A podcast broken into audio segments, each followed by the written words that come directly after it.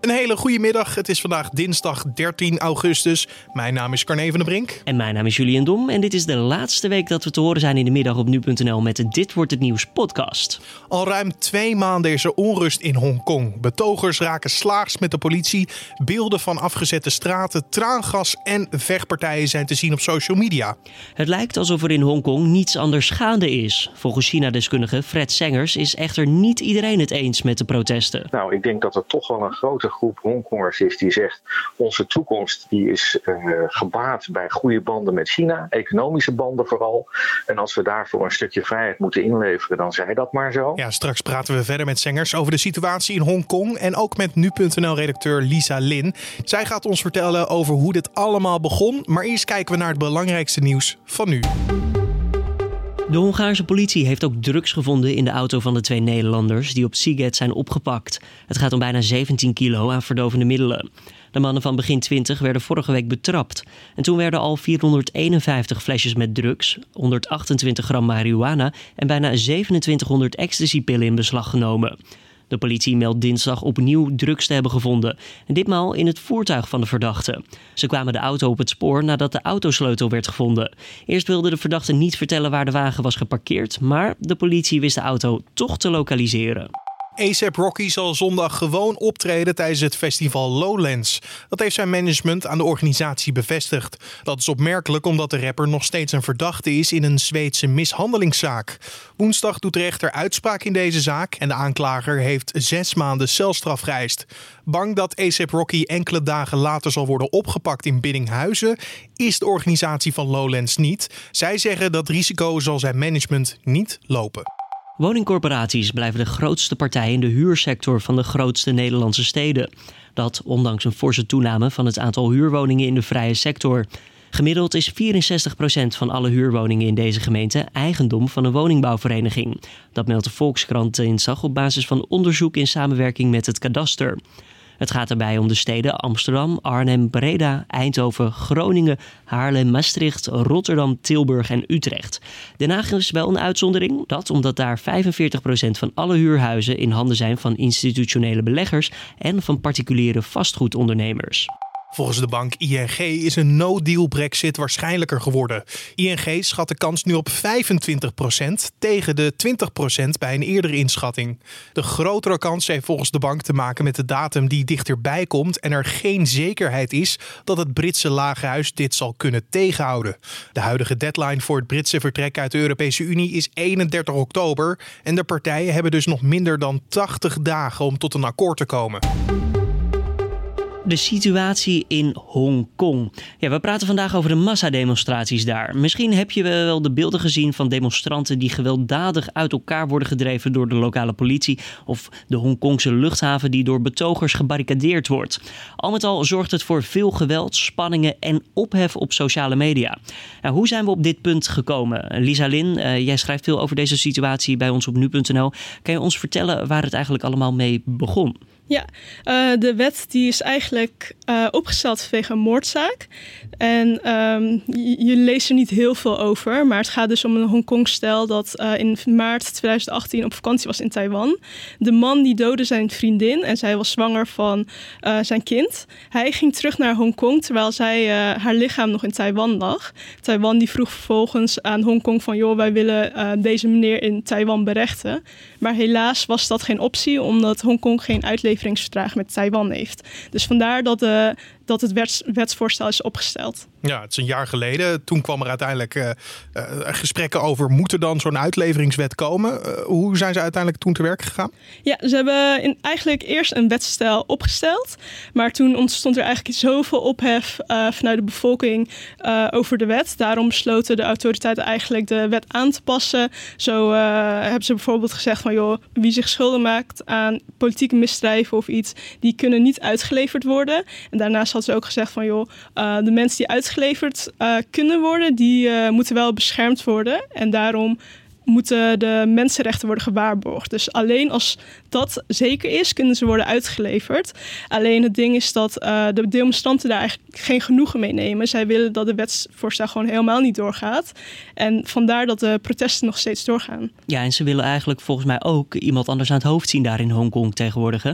Ja, klopt. Ze hebben eigenlijk aangegeven dat ze de leider op dit moment niet meer ja, vertrouwen, daar komt het eigenlijk op neer. Ook al heeft zij aangegeven, ik wil uh, blijven, ik ben niet van plan om op te stappen. Maar de bevolking die wil dat wel. Zij willen iemand die meer pro-democratie is. Want de huidige leider is gekozen door een Pekinggezind uh, comité. En de, de, daar is veel over te doen geweest. Dus ze zien gewoon liever iemand die uh, meer voor democratie zijn. Daar zeg je wat, Lisa, hoe de huidige leider gekozen is. Want een verkiezing gaat niet daar zoals we het hier in Nederland kennen. Dat iedereen boven de 18 zomaar mag stemmen. Ja, ze hebben om de leider te kiezen, hebben ze eigenlijk een comité in het leven geroepen.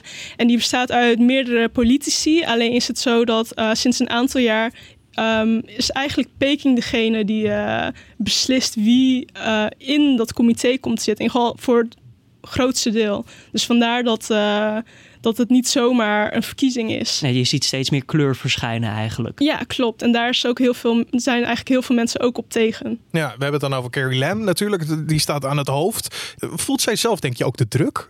Ja, ze, ja ze, ze voelt zeker de druk. In het begin zag je haar vaak in de media verschijnen, persconferenties geven.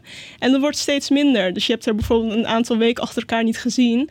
En dan verschijnt ze op het toneel, maar dan is het wel duidelijk emotioneel. Jij hebt er veel over geschreven, samen met collega's maar dat hebben we eigenlijk op een later moment pas gedaan, toch?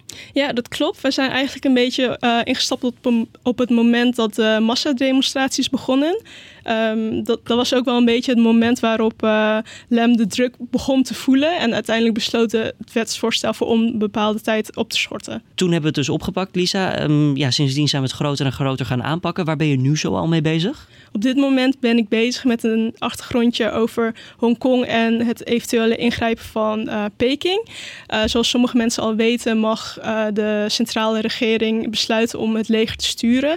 Alleen zitten daar wel wat voorwaarden aan. Zo mag de, het leger bijvoorbeeld alleen ingrijpen als de Hongkongse autoriteiten daarnaar vragen. Dus het is niet zo dat ze zomaar mogen besluiten van hé, hey, dit vinden wij niet oké. Okay, dus we maken een einde aan de protesten. En het leger, dat, zei, dat zijn beelden die op sociale media ja. rondzwerven. Ja. ja, dat klopt. Daar uh, de Chinese autoriteiten meerdere video's vrijgegeven daarvan. Hoe, hoe, serieus moeten we die beelden nemen? Ja, het zijn uh, natuurlijk wel heftige beelden die vrijgegeven zijn, omdat uh, als het Chinese leger ingrijpt, dat is niet zomaar iets.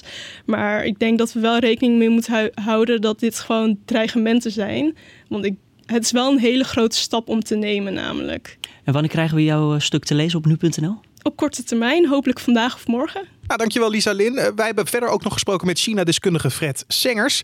En we vroegen hem eigenlijk naar waar wil China naartoe uh, met deze nieuwe regels in Hongkong? Ja, je kunt je voorstellen, Hongkong grenst natuurlijk aan China, maakt ook deel uit uh, van China. En eigenlijk is het heel gek dat Hongkong wel een uitleveringsverdrag heeft met allerlei landen, maar juist niet met het vasteland van China. Dus zo raar dat dat voorstel er kwam, is het ook weer niet. Alleen veel inwoners van Hongkong hebben het uitgelegd als een, wet die het ook mogelijk maakt om politieke tegenstanders uit te leveren. En, en dat heeft de zaak op scherp gezet. Is het te verwachten dat China deze wet dan ook daarvoor zou gebruiken? Nou, er waren in principe een aantal uh, voorzorgsmaatregelen genomen, uh, juist om dat te voorkomen. Hè. Uh, maar dat neemt niet weg dat het wantrouwen bij veel burgers van Hongkong zo groot is dat zij zeggen: ja, dan, dan wordt dat misschien op termijn alsnog opgerekt. Dus die hebben daar ook het hak in het zand gezet. Ja, we hebben te maken met ruim 7 miljoen inwoners in Hongkong. Staan zij nog allemaal achter de demonstraties die er nu zijn? Nou, ik denk dat het een misvatting is om te zeggen dat dat vanaf het begin af aan zo was. Want er is toch een vrij substantiële groep inwoners die behoorlijk pro-Beijing is. Wij denken vanuit uh, het Westen geredeneerd van uh, meer vrijheid. Wie is daar nou tegen? Nou, ik denk dat er toch wel een grote groep Hongkongers is die zegt: onze toekomst die is uh, gebaat bij goede banden met China, economische banden vooral. En als we daarvoor een stukje vrijheid moeten inleveren, dan zij dat maar zo. Um, dat neemt niet weg dat ik denk toch wel een meerderheid van de bevolking uh, de autonomie zoals die nu in Hongkong geldt uh, koestert. Um, en, en China een beetje op afstand wil houden van hun levenswijze. Vooral de jongeren. Dus op termijn zal die verhouding nog verder veranderen, denk ik. Dus onder de ouderen is vooral veel mensen pro-Beijing en onder de jongeren pro-democratiebeweging. Dus uh, het is een misvatting om te zeggen dat, dat iedereen achter die demonstratie staat. En ik denk dat uh, ja, het stadsbestuur van Hongkong dat ook heel goed begrijpt. En nu ook probeert zeg maar, de meest radicale groep, die die geweld gebruikt, te isoleren van ja, die grote middengroep die zegt wij willen wel autonomie behouden, maar niet ten koste van alles en zeker niet ten koste van chaos. Misschien een vraag die hierop aansluit, eh, die op onze discussieplatform nu jij wordt gesteld door onze lezers. Um, wat is dan uiteindelijk beter voor het grootste deel van de bewoners van Hongkong? Um, het totalitaire staatskapitalisme uit China of het dicterend Anglo-Saxisch kapitalisme uit Hongkong? Ja, dat is een hele goede vraag. Ik denk dat het uiteindelijk natuurlijk het beste zou zijn als het een, een, een best of both worlds is. Hè? Dat je zegt, wij hebben hier een grote mate van autonomie in Hongkong, waarbij de vrijheden van de individuele burgers gegarandeerd zijn. En wij profiteren van die nauwe banden met China op economisch gebied. Dat zou voor iedereen het beste zijn.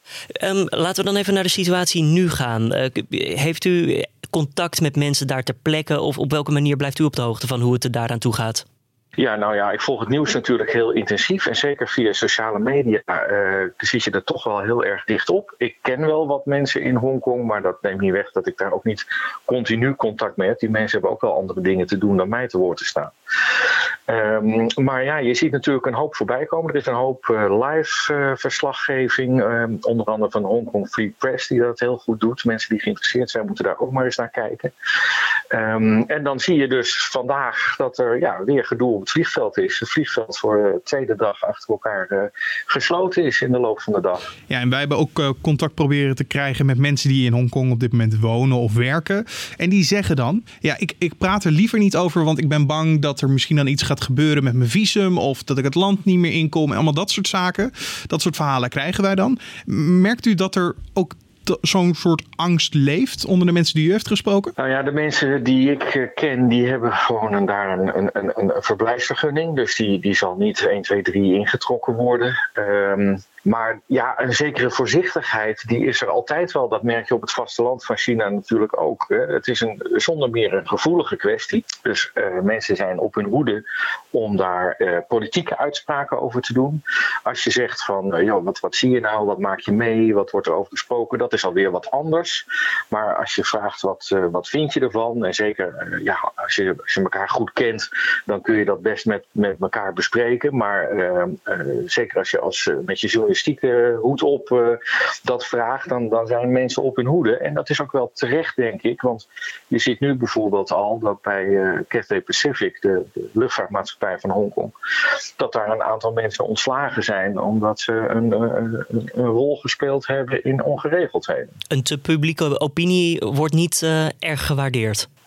De, het hoeft niet per se zo te zijn dat als je iets zegt, dat dat je onmiddellijk in de problemen brengt. Uh, maar het leidt wel tot een soort zelfcensuur. Dat mensen denken, ik kan me hier beter niet al te stellig over uitlaten.